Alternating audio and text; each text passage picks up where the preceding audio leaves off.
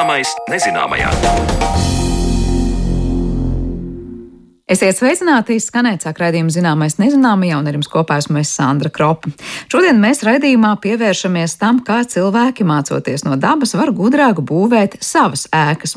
Tikpat ļoti, cik vasarās sūdzamies par karstumu, ziemās čendējamies par siltumu, zudumiem un augstām telpām.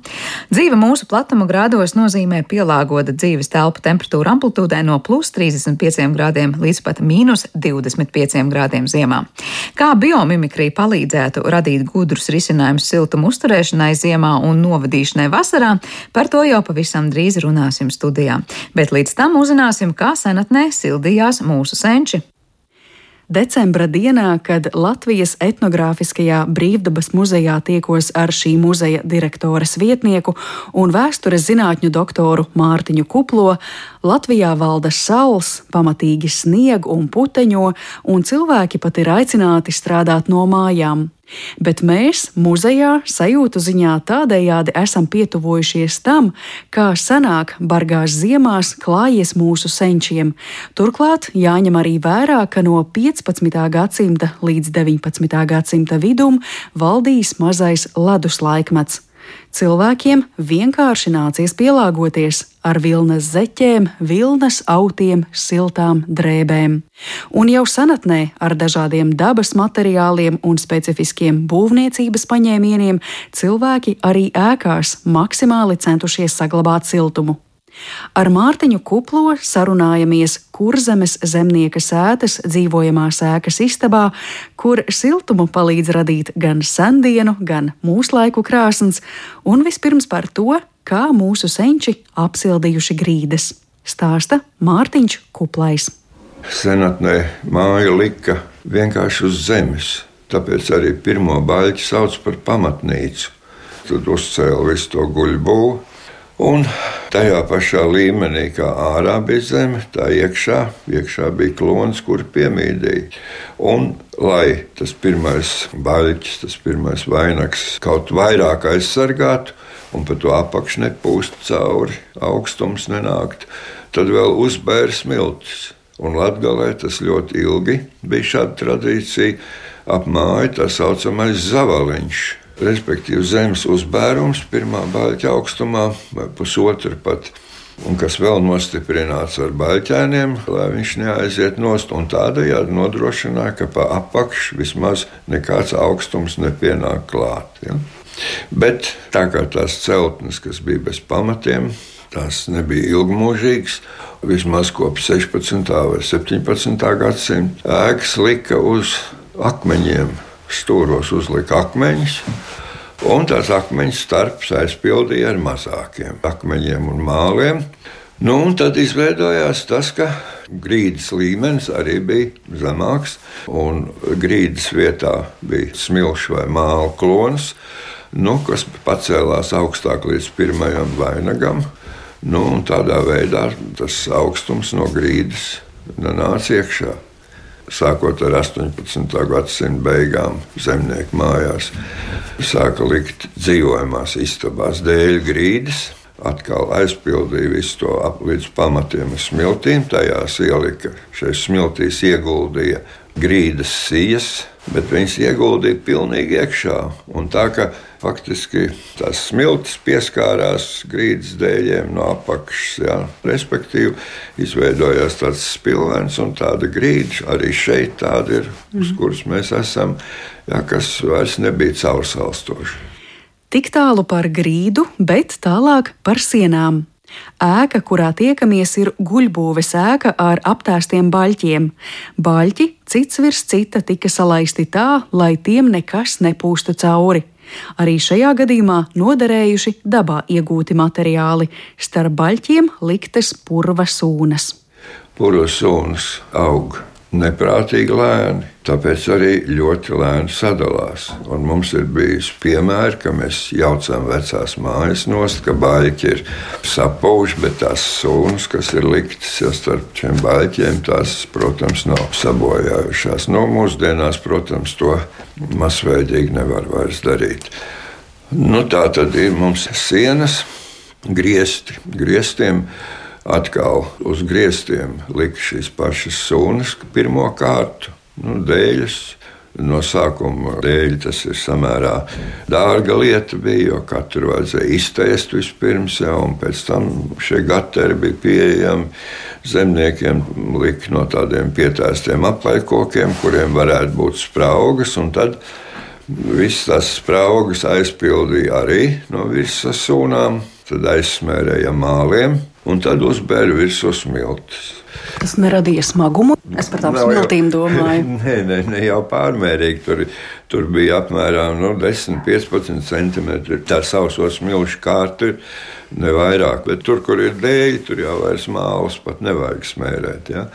Bet tiem pietēstajiem kokiem tiem noteikti spraugs ir aiziests, ja? un tad smilts virsū un pilnīgi droši. Tik tālu mēs esam, un tad nāk jumts. Un jumts jau būtībā ir Latviešu mājai nebija apdzīvojama bēniņa, jo tā apkurss sistēma bija tāda, ja pareizāk sakot, apkurss ierīces, ja, kas nekādā veidā nepieļāva uzcelt šo siltumu radītāju kaut kur tur augstāk. Ja. Respektīvi, par otro stāvu vai otrā jumta izbūvēm, ja mēs varam runāt tikai 19. gadsimta beigās, ja, kad jau pārņemt visi šie pilsētas celtniecības paņēmieni un 20. gadsimta sākumā. Bet tagad logi. Logu attīstība ir arī samērā vēla. Un parasti tātad vasarās bija viena vērtne vai viens rāmis, pie kam nu, vajag atcerēties, ka taupības nolūkos pat ja bija divas vērtnes logam, tad tikai viena puse bija virināma, jo tie dzelzīši, ja tie bija jāpasūta kavējam, tie bija dārgi. Mm Bet ziemā tad ievietoja vēl ieliekams logus, nu, respektīvi nevis vērtni, bet rāma ar stikliem. Un eh, šādā veidā dabūja dubultu logus. Bet jāsaka, loga attīstībā, kamēr ir tas vienkāršais ar vienu gropi, nevis ar divām, jā, viņi diezgan augstumu caurlaidoši. Dažos apvidos, ja cilvēki bija stipri trūcīgi, tad viņi no ārpuses logām uztaisīja tādu kā kasti līdz puslogam, no apakšas uz augšu. To aizpildīja ar sienu Un tad palika tikai tāda šaura strēmele augšā, un vismaz par to apakšējo daļu nu, nenāca augstums iekšā. Nu, tādu piemēru jūs varat redzēt Ludus Brīvdabas muzejā, piemēram, ja, pie loga to kastu. Tas ir aptuveni tā kā mūsdienās cilvēki ar līmlenti ziemā jā, līmē logus cieta. nu, jā, bet gaisma, kā saka, nepazūd, bet tur tā kaste ir gandrīz līdz puslogam uz augšu, un tas lodziņš jau pats arī ir mazs. Ja.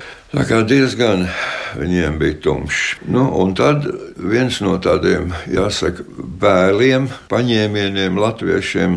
Nu, vēsturisku vēliem, jā. sākot ar 19. gadsimtu, tas ir eh, siena apmetums.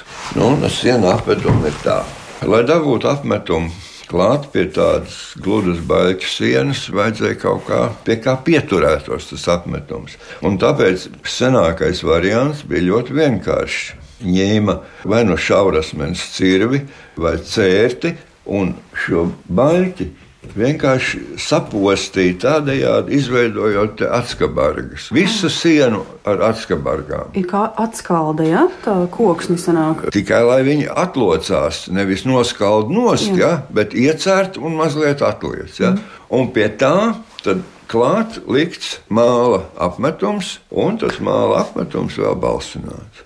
Bet izrādās, ka tas nav bijis efektīvs. Efektīgāks bija nākošais paņēmiens ka uztaisīja īkšķi lielumu puļķus, četrkantīgus, nu, izskaldīja ciru, uzasināja un sadzina sienā no vienas vietas. Nu, teiksim, ik pa 10, 15, 20 centimetriem ja, sienā ir puļķis. Arī no koka tie puļķi? Koka puļķis, jā, jā. un ārā viņš paliek no nu, apmēram 2 centimetri. Un tā kamēr visa siena. Un tad šo sienu apmet. Nu, vēl viens paņēmiens, nu, kaut kā jādabūna tas apmetums klāt.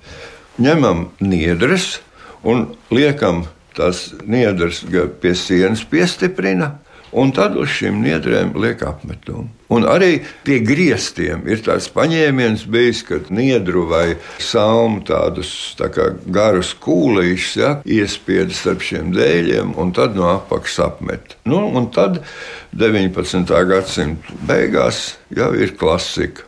Tie ir skaliņi, priežu skaliņiem izpin tādu retu rāmu šķidru, bet tas skaliņa rāms ir jāpienaglo.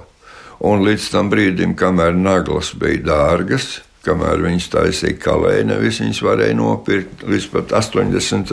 gadiem, 19. gadsimta. Ja? Nu, tas prasīja liels izdevums. Ja? Un tikko naglas kļūst lēts, skaliņi ir vienkārši, ja? tas apmetums ieviešās samērā strauji un kļūst populārs. Ja? Un tad jau taisīja ne tikai mālu, bet mālu kaļķu apmetumu ja? un kaļķu grāns apmetumu. Lai gan kurzemes sētas istaba izskatās paliela, jāpaturprātā, ka tādā istabā dzīvojuši desmit cilvēki, kuri tad pakāpeniski arī istabu piesildīja. Bet gaisa temperatūra šādā telpā tāpat bijusi zema, visticamāk, vien plus 10 līdz plus 12 grādu. Logos veidojās leduspuķis, tāpēc māju centās siltināt arī no ārpuses. To varēja apšūt ar niedrēm, savukārt jaunākos laikos koka mājām veidoja dēļu apšuvumus. Bet kā papildinājums siltuma saglabāšanai, zemnieku mājās parādījās krāsnis. Turpina Mārtiņš Kuplais.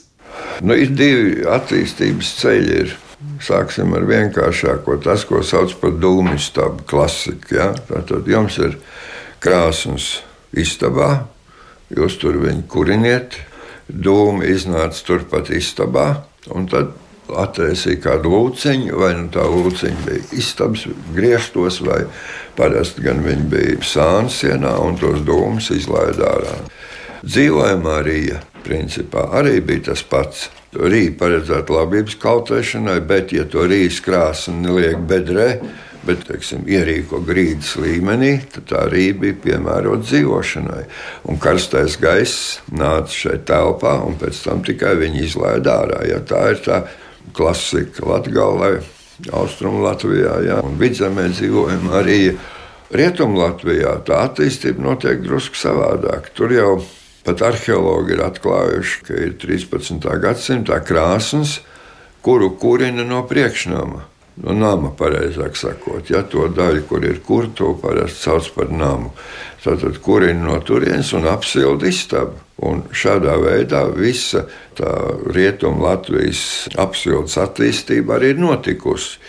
Bet tā bīstamākā lieta bija tā kurtuve namā, un tad, kad viņai uzliek virsū vai nu rovi. Rovs būtu vienkārši tāds pārseks, ja, kas kavē tam liesmām un zirgstelēm tieši uziet uz bēniņiem. Ja. Uzbūvē šo manteļskursteni, ja, tad tā lieta kļūst pilnīgi droša. Bet Tas nozīmē, ka krāsnes ir uz vienu pusi, un otrā mājas galā telpas tāpat ir neapkurināmas. Tās telpas izmantoja mm, tikai no vasaras laikā. Un tā visa māja, tas arī vienmēr ir jāatceras, ja mēs runājam par siltumu. Ka visa māja vienmēr latvietiem ir orientēta tā, lai visu dienu telpā būtu gaisma. Un tā daļa, kur nedzīvoja, tā ir vērsta uz ziemeļiem. Bet tad, kad ir krāsnes ar dūmējām, kas pieslēdzās skurstenim, tad arī tādu krāsnu un skursteni varēja iebūvēt mājas otrā galā un tad parasti ieguva māju ar diviem apdzīvojumiem galiem. Pilsētās, pilīs un mūžās manteļskurstenis jeb apvalku dūmenis bijis jau viduslaikos, bet zemnieku mājās tas ienācis 18. gadsimta beigās, 19. gadsimta sākumā. Kā iepriekš norādīts, manteļskurstenis bija paredzēts ugunsdrošībai, taču zināms, ka sievietēm, kuras visu laiku uz pavarda vārīja un maisīja ēdienu, ar gadiem no dūmiem veidojās acu iekaisumi un redzes traucējumi. Tāpat dūmojuši skali. Tikšanās laikā ar Mārtiņu Kuplo arī man ir iespēja aplūkot no priekšnama kurināto krāsni ar manteļas kursteni, bet īsto siltumu sajūtu sarunas beigās pie tās krāsnes puses, kas iziet istabā. Tā ir krāsns ar 19. gadsimta dekoratīviem podiņiem, un lai gan krāsns konstrukcija nav paredzēta, lai uz tās rāptos un sildītos, savas rokas pie podiņiem sasildīt var ļoti labi. Ielieciet ah. roku ja, dziļumā. Tad, tas ir no siltums vēl no vakardienas, tā krāsnes podziņa dibenā. Turās vēl, jā. Ja? Un šādu krāsu nevar ātri uzsildīt. Ja mēs viņu no rīta sākam kurināt, tad īstais karstums būs pēc daudzām stundām. Mm.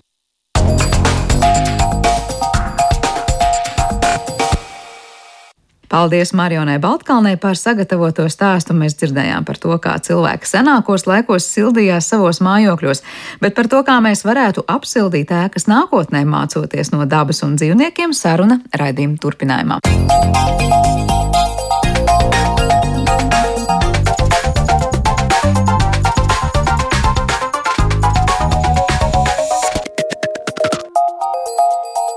Zināmais nezināmajā. Aizvadītais gads enerģētikas jomā bija tik saspringts, ka daudziem, jo daudziem Eiropas iedzīvotājiem siltums mājokli ir kļuvis par dārgu prieku. Cilvēki ir gan pārskatījuši savus apkurs un elektrības paradumus, gan mainījuši apkurs katlu sistēmas un, diemžēl, arī bijuši spiesti bezspēcīgi noraudzīties, kā kāpja apkurs rēķini. Tas daudziem līdz aizdomāties par reiz dzirdētiem un jauniem risinājumiem, kā sasildīties tērējot mazāk siltumenerģijas. Izrādās, ka sasildīties mums lieliski māca arī daba. Kādi varētu būt šie no dabas pārņemtie risinājumi? Par to mēs šodien uz studiju esam aicinājuši runāt Rīgas Tehniskās Universitātes elektrotehnikas un vidas inženieru zinātņu fakultātes vides aizsardzības un siltuma sistēma institūta pētniece Ilzi Vamžu. Labdien! Labdien! Kā arī šī paša institūta vadošo pētnieci un inženieru zinātņu doktori Rutu Vanagu. Labdien! Labdien! Eh, sāksim vispirms ar to, ka mēs pēdējā laikā daudz runājam par to, kā mainās un mainīsies klimats, un eh, vai jūsuprāt mēs eh, tuvākā un tālākā nākotnē arvien vairāk domāsim, kā tos mājokļus padarīt nu, ziemai un augstam laikam piemērotākus un kā mēs sildīsimies, vai tomēr mums aktuālāks kļūs jautājums par to, kā dzēsēsimies un kā mēs vairāk, teiksim, nu, ar to augstumu kaut kā tiksim galā, bet lielākie izaicinājumi būs nodrošināt to mājokli komfortablu karstajās sezonās. Rutis. Es gribu teikt, ka gan, gan. Jā, ka mums faktiski tātad mēs esam ziemeļu klimatā, un mēs esam raduši pie tā, ka mums ir jārūpējas par, par, par siltumizolēšanu mājas un, un enerģijas taupīšanu apkurss sezonā, bet jau pēdējie gadi mums ir parādījuši, ka mums kļūst aktuāls arī tas vasaras klimats. Un, uh, mēs redzam mūsu tropisko nakšu ilgumus, mēs redzam temperatūras pīķi un arvien jaunus un jaunus rekordus. Un, uh, un nebūs tā, ka mēs tagad daudzēsim austeres Baltijas jūrā un dzīvosim cepuru kuldami, kā varbūt kāds, uh, kāds iedomājas, ka, ka globālā sasilšana nozīmē to. Bet, uh, bet jā, tātad šī temperatūras ekstrēma attiek, attieksies gan uz, gan uz ziemas sezonām, gan uz vasaras sezonām. Nokrišņu daudzums uh, ziemā, vasarā un, uh, un faktiski mēs būsim jāspiest domāt par, par, par abām šīm. Tas ir pilnīgi visiem scenārijiem. Es pieņemu arī vētras un stipra vēja gadījumā arī jādomā arī? par to, lai tos mājokļus neizpūš tā, ka tur paliek augsti. Un nekomfortabli. Jā, jā taisnība. Ilzē vēl kas piebilstams? Uh, jā, noteikti par to, ka cilvēks ir tāds komforta dzīvnieks, varētu teikt, un mums noteikti jā, vairāk gan vasarā, gan ziemā jārēķinās ar to, ka mēs gribēsim saglabāt to komfortu attiecīgi. Jā, Mm, jāskatās, kā risināt abas šīs problēmas. Ko mums nozīmē gribēt saglabāt šo komfortu? Vai tas nozīmē pārskatīt esošos tehniskos risinājumus vai radīt kaut ko pilnīgi jaunu? Nu, tas mans redzējums kā zinātniekam, un tas redzējums ir atšķirīgs tiem, kas strādā industrijā, tiem, kas strādā zinātnē, un, un tiem, kas ievieš tehnoloģijas dzīvē. Tad man kā zinātniekam, protams, mēs skatāmies uz izrāvienu. Mēs neskatāmies teiksim, uz, uz mazu simtaļu uzlabošanu, tūkstošdaļu uzlabošanu, bet mēs meklējam, kur būtu izrāviens kaut kāds. Pilnīgi jauns tas, tas, tas princips, kā kādu tehnoloģiju izmantot. Un, un tāpēc jā, mēs skatāmies jaunas tehnoloģijas virzienā, kur pretī varbūt industrija strādā, lai esošās pārbaudītās, optimizētu, pievienotu, papildinātu un, un to, to pašu sistēmu padarītu par kaut par kripatu efektīvāku. Vai tad, ka industrija vairāk tāda konservatīva un zinātnieki vairāk tādi revolucionāri? Uh, nē, drīzāk, drīzāk jā, tā kā attīstības posmi, jā, ka zinātnē, zinātnē mēs pavadām to laiku, kas ir laboratorijas laiks, kur mēs tās tehnoloģijas vispirms konceptuāli izdomājam, un pēc tam pamazām, pamazām caur dažādiem tehnoloģiju gatavības līmeņiem notestējam. Vispirms laboratorijā kontrolētos apstākļos, pēc tam ārā reālos, jā, reālos apstākļos, un pēc tam jau ejam tālāk. Jau, un industrija jau tad pārņem jau tajā brīdī, kad mēs esam nonākuši līdz tādam gatavības līmenim, kad, uh, kad industrija šo var paņemt un tad jau attīstīt tālāk. Um, Ilze vairāk zinās par komercializācijas dažādām niansēm.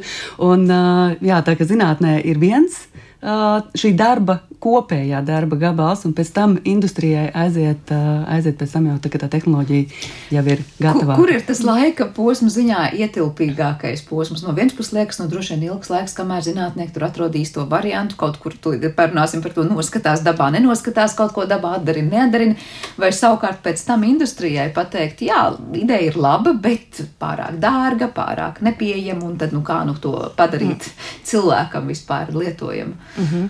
uh, Pirmkārt, es gribētu jā, pateikt, varbūt tas, ko Rūta jau teica, tas tāds ideālais variants, jo nu jau ko pati Rūta un komanda arī pēta šobrīd ir, kāpēc cilvēki arī neadaptē tos jau esošos risinājumus. Mums ir iespējas nosiltināt mājas, mums ir iespējas energoefektīvas tehnoloģijas izmantot, bet mēs to nedaram, diemžēl. Tā kā tas ir viens vēl jautājums. Eh, bet par tām eh, jaunajām tehnoloģijām, jā, tas eh, pirmkārt paņem ļoti ilgu laiku. Tas, ko Ruti jau stāstīja, tā prototipēšana reāli tikai pirmie tie posmi, ko laboratorijā paskatās. Um, Zinātnieki rēķinās ar to, ka, nu, jā, mēs esam zinātnieki, tas ir mūsu darbs, mēs tērēsim trīs gadus, lai pavirzītos vienu solīti, bet industrijā to nevar atļauties. Viņi vēlās, protams, lielākus kaut kādus atmaksāšanās laikus, um, īsākus, un, uh, jā, lai, lai to var laist tirgu reāli jau. Uh, Un, um, jā, par tiem tehnoloģijas gatavības līmeņiem um, ir uh, šis uh, nāves iela, ja varētu to saukt, jā, uh, kad ir tie pirmie posmi no 1 līdz 6, ko mēs tātad zinātnē varam kaut kā pavirzīties uz priekšu, mēs esam līdz kaut kam tikuši, bet tad ir tā adaptācijas posma, kas, posms, kas nozīmē, ka kaut kas ir jāmērogo, un jā, tur jau sākās tās lielās problēmas, jo tad ir jābūt pretī industrijai, kas grib kaut ko jaunu, kas ir gana drosmīgi, lai varētu kaut ko tādu pamēģināt, nevis uh, lest ar savu stiklavā ļoti tālu. Jā, industri, jā, jā. Nu, ja, un, ja mēs skatāmies tagad šo izrāvienu par kodolsintēzi, kam vajadzētu atrisināt mūsu visas problēmas, bet tas nenotiks mūsu dzīves laikā. Jā, un, un mēs runājam par to, man liekas, pusi savas dzīves. Jā, jā, jā, jā, tā kā tā mērogam. Ja? Tās problēmas ir dažādi, dažādi mērogi. Ja? Dažas var atrisināt ātrāk, un dažas. Un arī tās, kas es pieļauju, var atrisināt ātrāk, nereti var saskarties ar tādām izmaksām, ka nu, industrija vēl nav gatava teikt, mēs piedāvāsim tirgu lielisku variantu, bet tas maksās ļoti, ļoti liela summa šobrīd. Protams, jā, bet es ticu, ka, ka katra tāda ideja, kas varbūt ir um, pāri mākoņiem, vēl, ka viņi rada citas, kas pārtverot šo ideju, kas ne, neatmaksāsim nekad mūžā piezemē to un, un, un dabu gatavu tādu jau realistisku risinājumu. Nu, redzēsim, cik tuvu un tālu nākotnē ir tiem risinājumiem, par kuriem mēs šodien droši vien nedaudz sīkāk parunāsim. Es saprotu, ka dabā var ļoti daudz ko noskatīties no tā, kā lietas jau strādā. Kas šobrīd ir tas aktuālais, pie kā jūs strādājat? Es zinu, ka mēs ar Rutu pirms vairākiem gadiem tikāmies un runājām par gudro fasādi, kas, ja nemaldos, imitēja vaļa jā, organismu vai, jā. vai ādu vai kādu tur bija.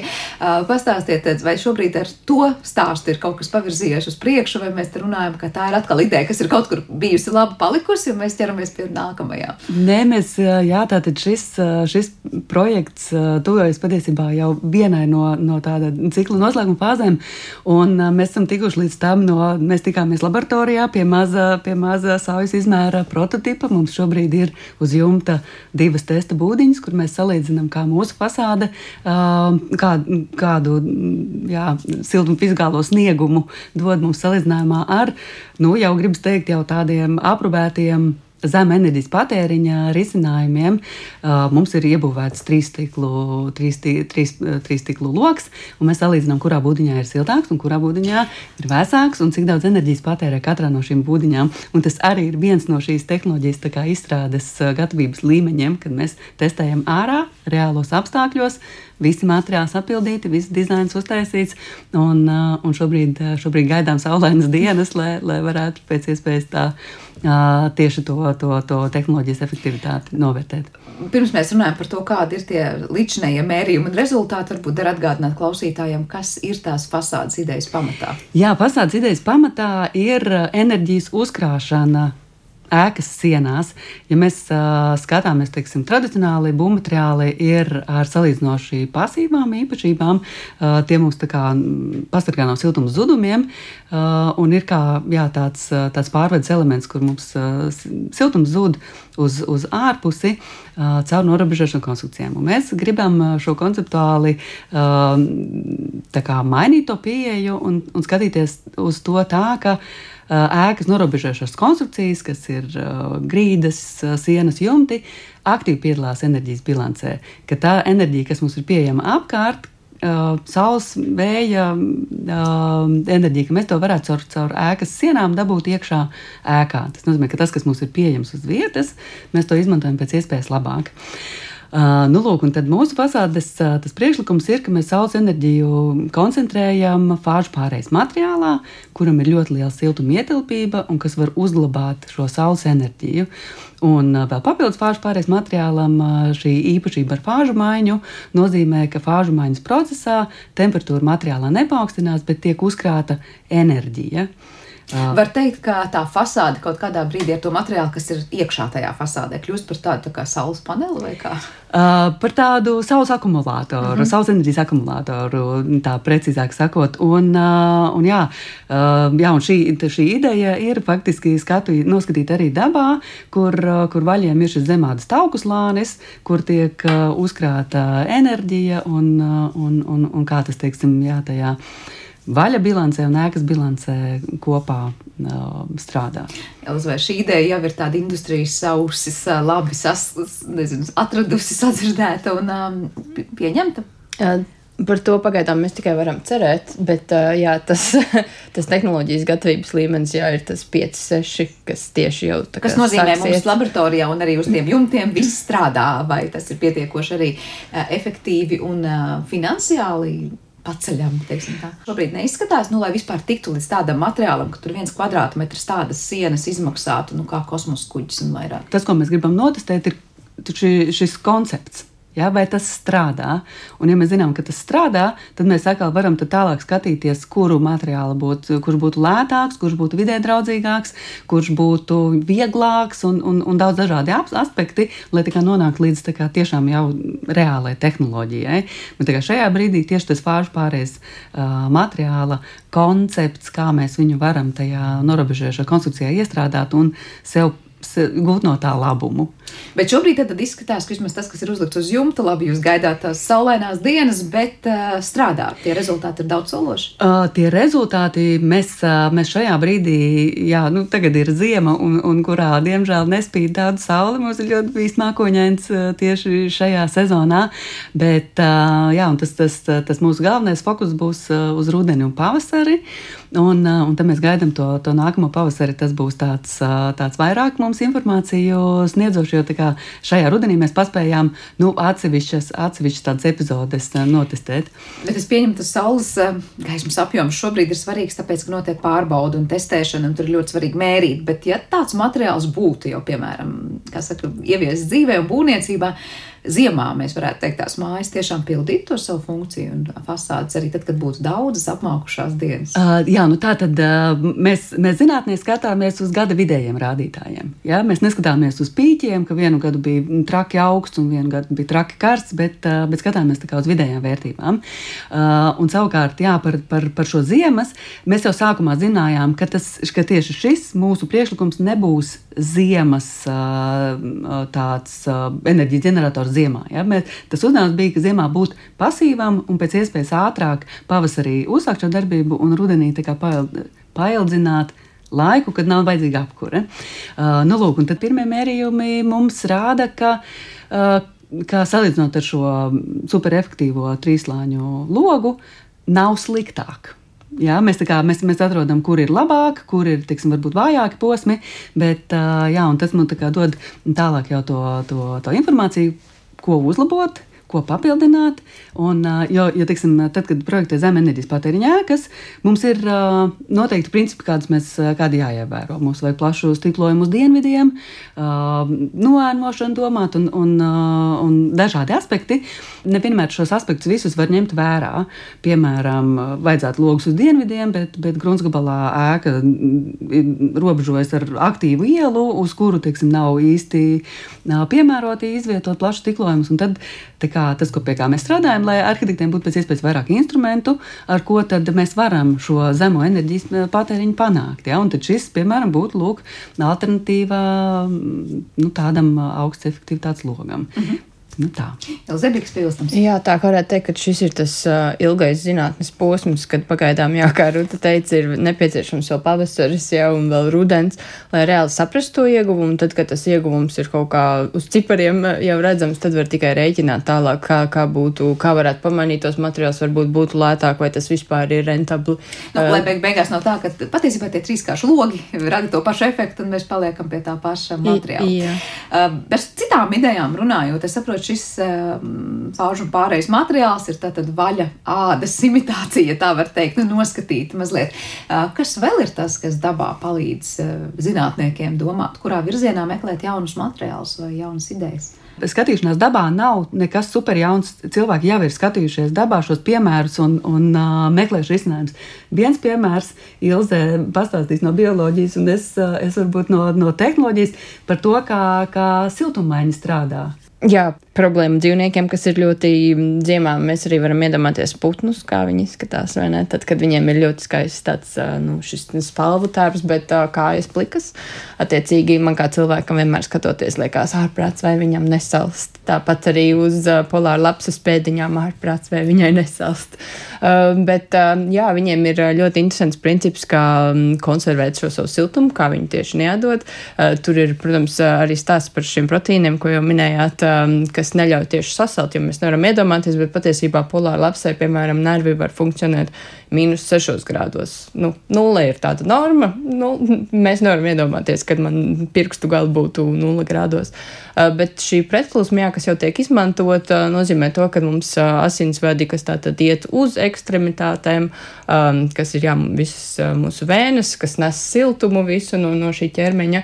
Um, viņu negrib, protams, aiznest līdz tām kājām, jo tas ir skaidrs, ka uzreiz viņš pazudīs. Tāpēc um, as, um, artērijas, kas iet uz šīm ekstremitātēm, ekstremitātēm cieši saguļ kopā ar vēnām, kas nāk no ekstremitātēm.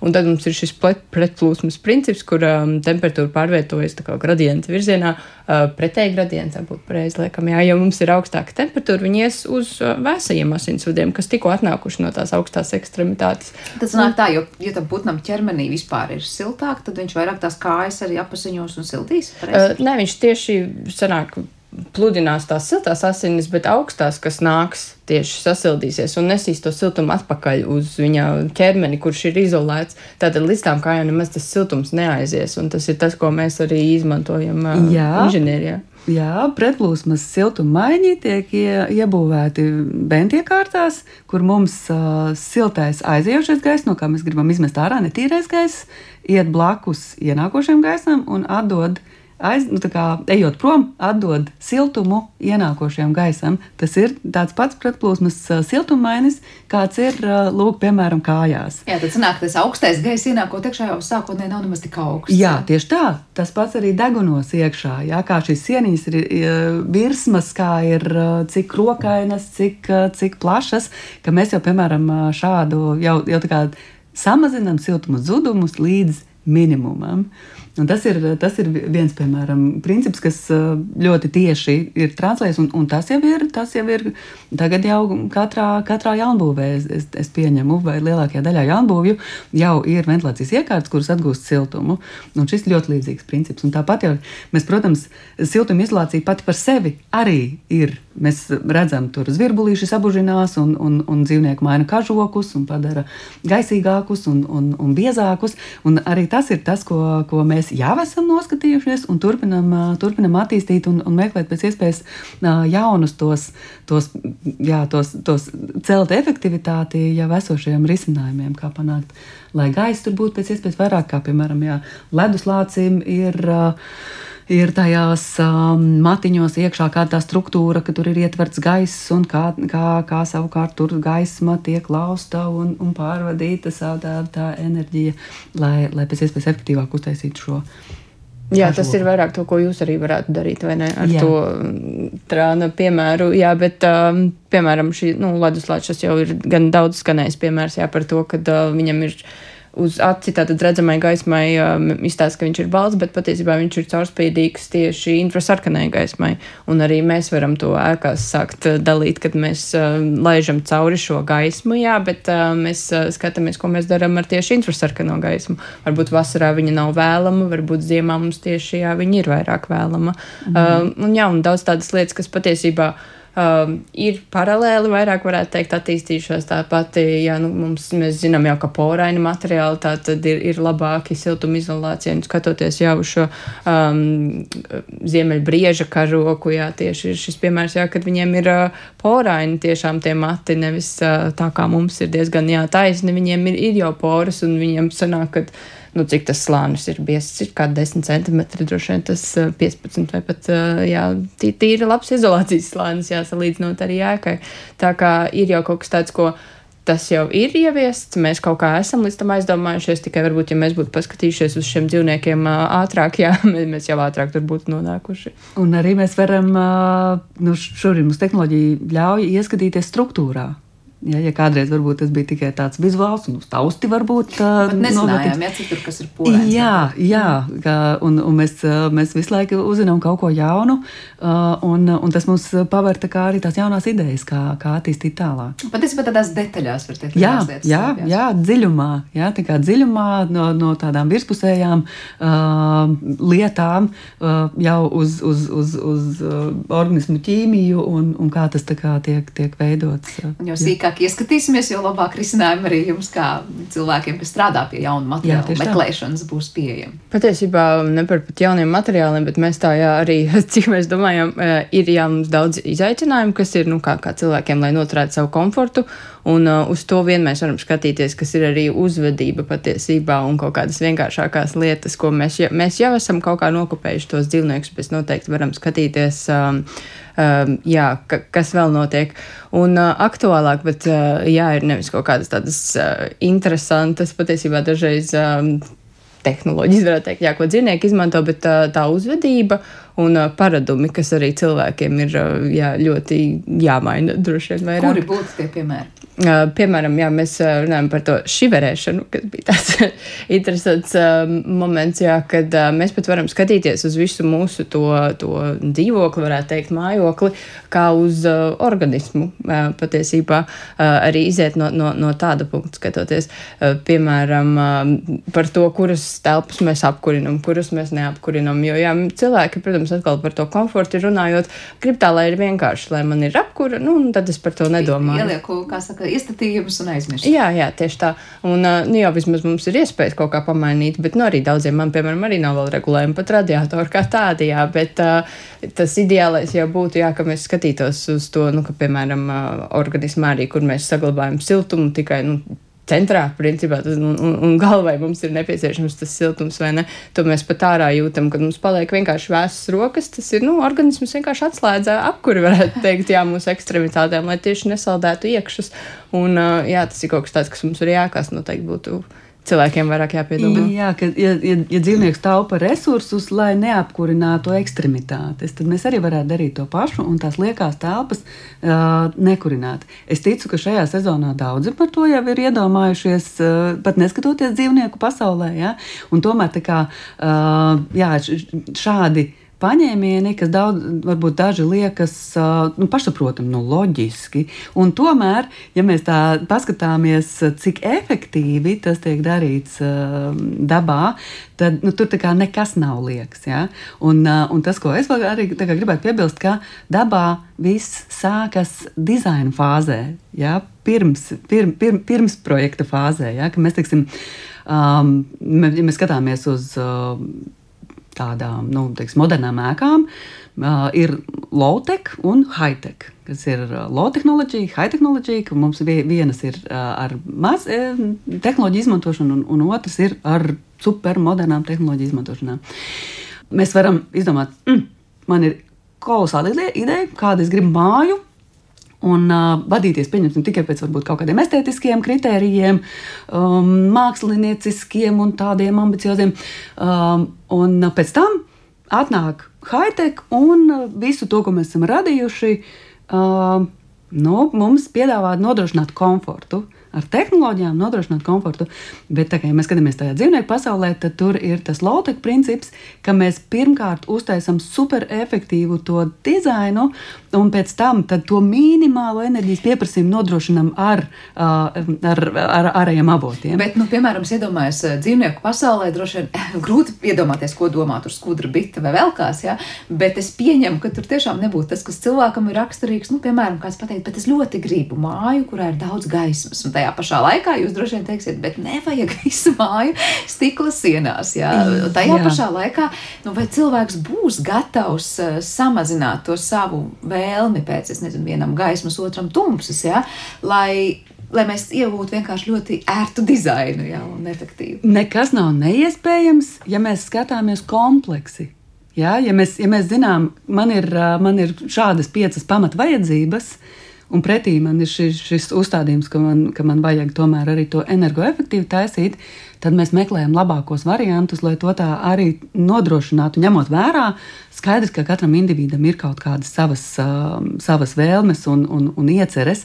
Un arī, protams, ka mēs arī nevēlamies teiksim, dzīvot visās vienādās mājās, kas būtu viss superefektīvāk. Bet tas būtu ja? mīts, ja mēs teiktu, ja, nu, ja jūs gribat dzīvot mājā ar lieliem, plašiem logiem, aizmirstiet par vispār kādu efektivitāti jūs tur vasarā pārkarsīsiet vai kā citādi. Ir risinājumi, kas ļautu teikt, labi, ja šim cilvēkam ir svarīga gaisma un plašs skats uz pasauli kaut kur citur mājā ar kaut kādu citu risinājumu panāksim to, ka tā māja nepārkarsīs.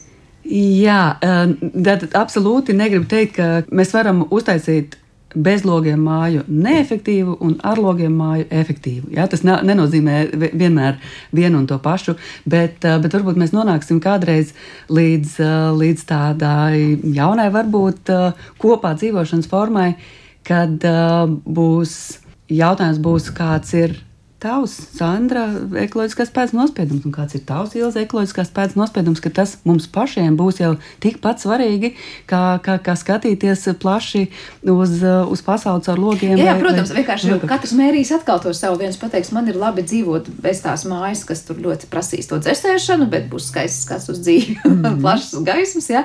Spektrs savukārt, nu tad cilvēks teiks, es tur nebūšu īpaši varbūt vidē draudzīgi. Savukārt es tur, nezinu, pārvietošos jā, jā. kājām, nedarīšu to nedarīšu kokus. Jā, tieši tā, jā. jā. Jautājums nu, tur atkal vienmēr ir par to cilvēku uzvedību un mm. rīcību. Tas, ko mēs vēl varam noskatīties dabā, es skatos, nu, protams, izklausās fantastiski, ir kāds proteīns, zivīms šķiet, un vēl kam organismā, kas neļauj sasalt, kā tāds nu, dabīgais antifrīzs, kas strādā un, saprot, pat saldējuma industrijā tiek izmantots, un lai mums nebūtu vienmēr tādi sasaluši ledus kluči jēd, vai māju būvniecībā ienāk kaut kas tāds idejiski, ka paši materiāli, līdzīgi kā par to vaļu tauku slāni, nu, domāsiet, kā imitēt kaut ko, lai neaizsalst, lai nepārāk, neizkūst, kā citādi nodrošina kaut kādas funkcijas. Uh, šobrīd, Protams, tās bioloģijas noskatītās lietas. Jā, šobrīd par to droši vien vienīgais, ko mēs skatījāmies, kas jau ir ticis pāri tām tehnoloģijas gatavības līmeņiem, ir stikli dažādi, kas ir enerģiju varētu uzkrāt arī, nu, līdzīgi jau kā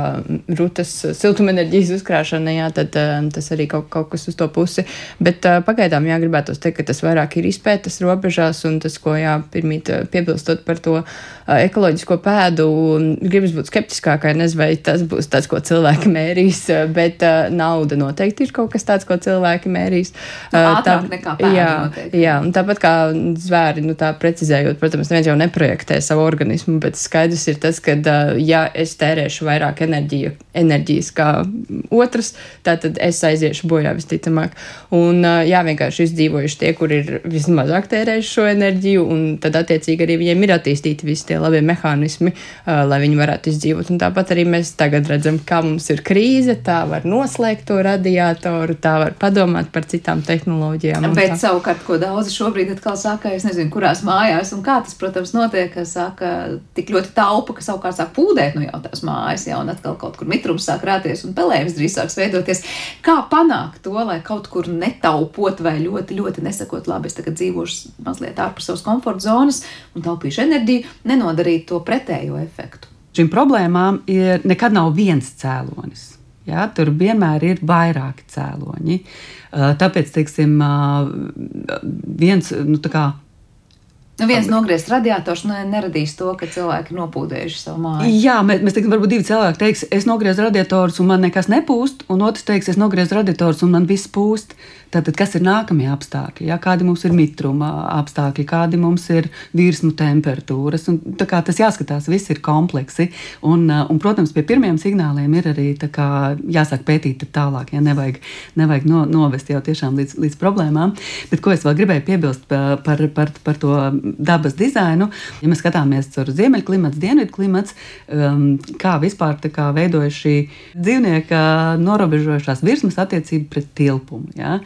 Kur ir lieli dzīvnieki, kur ir mazi dzīvnieki, kādi dzīvo ziemeļos, kādi dzīvo dienvidos, un ko viņi dara ar šo, ar šo mm, ķermeni. Tad, piemēram, ja mēs skatāmies, protams, mums ir arī mazās pelītes un cirslīši un vēl visādi dzīvnieki, bet ko viņi dara ziemā? Viņi ielien aliņā, un viņiem ir virsū liels, liels, liels uh, sniega slānis, piemēram. Ja? Vai, vai lielais dzīvnieks, viņam ir uh, salīdzinoši neliels ārējās virsmas laukums pret to apkurināmo tilpumu. Un daudzi šādi elementi ir, ir jāsāk jā, tajā ēkas būvniecības pamatā ielikt, lai es kā, iz, izveidotu pēc iespējas efektīvāku to pamat, uh, pamat masu. Ko tas nozīmētu dzīvē mums šeit, mūsu platuma grādos, kādām tam ēkām būtu jāizskatās? Pēc iespējas kompaktākām, punkts viens. Uh, jo, jo kompaktākā ēka, jā, jo, jo faktiski ar uh, vienu izolācijas biezumu mēs varam uh, samazināt enerģijas patēriņu. Ja man būs uh, vienstāvīga, uh, robaina ēka ar stūrīšiem un kaktiņiem, tad, uh, tad tāda tērēs daudz vairāk nekā tad, ja man ir div, divstāvīgs kompakts apjoms, piemēram. Ja? Uh, lūk, Tas ir jā, punkts viens, kur mēs tālāk arī, kur mēs to ēku novietojam, pret kādu debesu pusi pavēršam. Jā, lai, mēs, lai mēs jau sev to situāciju nevis apgrūtinam, kad jānāk tam haitekam un, un, un, jādara kaut kas. Jā, jā, jā, jā, jā, jā uh, ka mēs jau, jau, jau, jau to visu sākumā izdarām. Un, tā kā ēka sākas ar šo pirmsprojektēšanas fāzi, nevis tad, kad uh, inženieriem jānāk un. un, un uh, Jāizvēlas jā, vienkārši starp materiālu, piemēram. Jau, jā, jāizvēlās, jā, jāizvēlās apkurs katla jauda. jā, tad tas ir krietni par vēlu. jā. Jā, jā, gribēju pieminēt tieši no cilvēku pasaules jau piemēram, kad skatoties uz Somiju, piemēram, viņiem arī tieši ir tādas ļoti robustas, kantainas mājas, un varbūt jā, viena mums ir vēl vēlme uz tiem stikliem un robojumiem, bet, nu jā, jāskatās, jā, no dabas arī paskatoties, vai ziemeļu dzīvnieki mums ir tādi, kā ķirzakas, piemēram, iedomājamies, vai ne, ar, ar, ar lielu virsmu, lai viņas tieši sasildītos, ne, mums ir ziemeļos tieši pretēji, jā, vai ne. Ja, nu, galvenais šeit atkal nenonāk līdz tam, ka varbūt kādā brīdī mēs teiktu, varbūt vispār ekoloģiski nav izdevīgi cilvēkiem tik tālu uz ziemeļiem dzīvot, jā, un tur kaut ko sev gan sildīt, gan savukārt dzēsēt, lai gan, nu, dzēsēt arī dienvidos, protams, nākas gana daudz, bet tad sanāk, ka mēs vairāk ziemeļu puslodē skatīsimies un eh, šajos platuma grādos uz tiem lielajiem dzīvniekiem, lai noskatītu kaut ko viņu, nezinu, anatomijā, fizioloģijā vai, vai uzvedībā, vai mums var palīdzēt uh, atrast interesants idejas un materiāls arī kaut, nezinu, skudra vai kāds, kāds cits mazs un pavisam liekas niecīgs dzīvnieks. Biomimikrijā ir, ir tādas, tādas diz, divas dizaina spirāles. Viena uh, saka, ka mēs ejam no uh, dzīvnieku izpētes un tad mēs uh, atrodam, kur mums tas var noderēt. Ja mēs skatāmies, oh, tāda, tāda interesanta un šī tāda interesanta stratēģija. Un tad mēs pamazām, kur man tas varētu noderēt, varbūt tur, varbūt tur, varbūt tur. Bet otrs uh, virziens ir, ka mēs definējam vispirms problēmu. Un tad mēs ejam skatīties, kurš dzīvnieks mums šo problēmu varētu risināt. Nu, piemēram, es saku, es gribu superefektīvu siltumu izolāciju. Ja? Tad kur, pie kuriem dzīvniekiem es skatīšos šo mm, skaidrs, ka ne pie skudras. Ne? Bet tad, atkal, ja mēs ejam no, no, no izaicinājuma jau uz to, uz to dabas pasauli, bet savukārt. Jeb, jebkura lieta, ko mēs ieraugām, mums var piešķirt tādu dzirksti, tādu, tādu prāta vētras dzirksti, ka jā, šitien tas tiek lietots pavisam savādāk. Bet, ja mēs to uzkombinējam ar vēl kaut ko, tad tā, tas faktiski darbojas jā, divos veidos. Gan, gan, ja mēs definējam savu tehnoloģisko pro, problēmu un meklējam mūsuprāt jā, tās piemērotākās vietas, gan arī ieraugot šo, šo kaut kādu stratēģiju atjautību. Nebūs tas lielais izaicinājums pieminot tos dzīvniekus, nu kā tad mēs skatīsimies to problēmas risinājumu, ka e, dabā, nu, ja cil, dzīvnieks konkrēti dzīvo tur augstā kaut kādā teritorijā, tad, kur drīzāk ir jādomā, kā sildīties, nu visticamāk viņš nedzīvo vienlaikus arī tropos, kuros ir jādomā, kā kārtīgi dzēsēties. Savukārt cilvēks jau grib, man liekas, gan tā, gan tā. Un, ja tā padomā, tad mēs laikam gribam dzīvot, nu, ja līdzībās runājot, tad gan kā tropu dzīvnieku savu reizi, un savu reizi savukārt kā kārtīgi ziemeļnieki. Un tad mums ir tas jāsavieto tas, kas dabā varbūt nemaz nav vienā dzīvniekā, gan lieliska dzēsēšanās, gan lieliska sildīšanās spēja. Jā, bet tāpēc, ja mums visiem nebūs vienādas mājas, tāpat kā vēsturiski jau ir attīstījušās arhitektūras ļoti, ļoti atšķirīgas, kā viena no māla ķieģeļiem taisa, un jā, savukārt šeit ziemeļos vairāk no koka un pakulām, un mēs jau esam pieraduši, ka mums ir tās mājas jātaisa pilnīgi savādāk. Kā, kā bet tur. vasarā mums savukārt ir jāsaskars ar vienu karstumu. Jā, šobrīd tā sanāk, ka mums ir jāskatās, bet tas ir jā, tas, ko Ruti jau pieminēja, ka mums ir jātīsta vairāk tās tehnoloģijas, vairāk šie materiāli, lai ir no kā izvēlēties. Un tad, kad tas projektētājs jau domā par to, kāda tad būs tā māja, tad viņam ir iespēja skatīties tur un tur un kāda reālā situācija un to visu pielāgot. Tā kā tādā vienādā kopija-paste mājā mēs noteikti negribam, nedzīvos būsim. Vairāk jā, tikai jāstrādā pie tā, lai būtu tie, tie jā, tas, tas, ko ņemt. Papildinot teikto par to, ka dzīv, dzīvnieki dzīvo konkrētos robežu apstākļos. Mēs vienmēr, mēs cilvēki, mēs vienmēr varam pagriezt nu, no Rīgas siltuma vai no Daugopils siltuma. mazliet no, vairāk. Vai, jā. jā, varam pagriezt mazliet vairāk, jo man, jo man šobrīd tā gribas. Ja? Un dzīvniekam šī nav šī iespēja pagriezt vairāk. Ja? Un, un tāpēc, teiksim, nu, man tā, tā varbūt utopiski gribētos domāt, ka, ka mēs arī nu, šī, šīs, šī, šie tarifi, kādos mēs tagad esam, visiem ir, ir, ir likuši mainīt paradumus lielākā vai mazākā mērā, es domāju, bet arī kā, skatoties tiešām uz to, uz to dzīvesveidu, ka viņš varētu pat, ja nebūtu varbūt energotaupīgs vai super visenergoefektīvākais Latvijā, viņš nebūtu izšķērdīgs ka mēs tomēr tur, tur jā, skatītos to racionālo graudu tur iekšā. Nu, ko liels jums paldies par šo sarunu. Es atgādinu, ka šajā raidījuma pusstundā mēs bijām kopā Rīgas Tehniskās Universitātes elektrotehnikas un vidas inženieru zinātņu fakultātes vidas aizsardzības un siltuma sistēma institūta pētniece Ilza Vamžu, kā arī šī paša uh, institūta vadošo pētniece un inženieru zinātņu doktore Rūtu Vanagu. Ar to arī šis raidījums ir izskanējis. To producēja Paula Gulbinska par mūziku gādāja Girs Bišs, skaņu režijā bija Elizabete Šeicāno un ar jums studijā Sandra Krapa. Visu labu!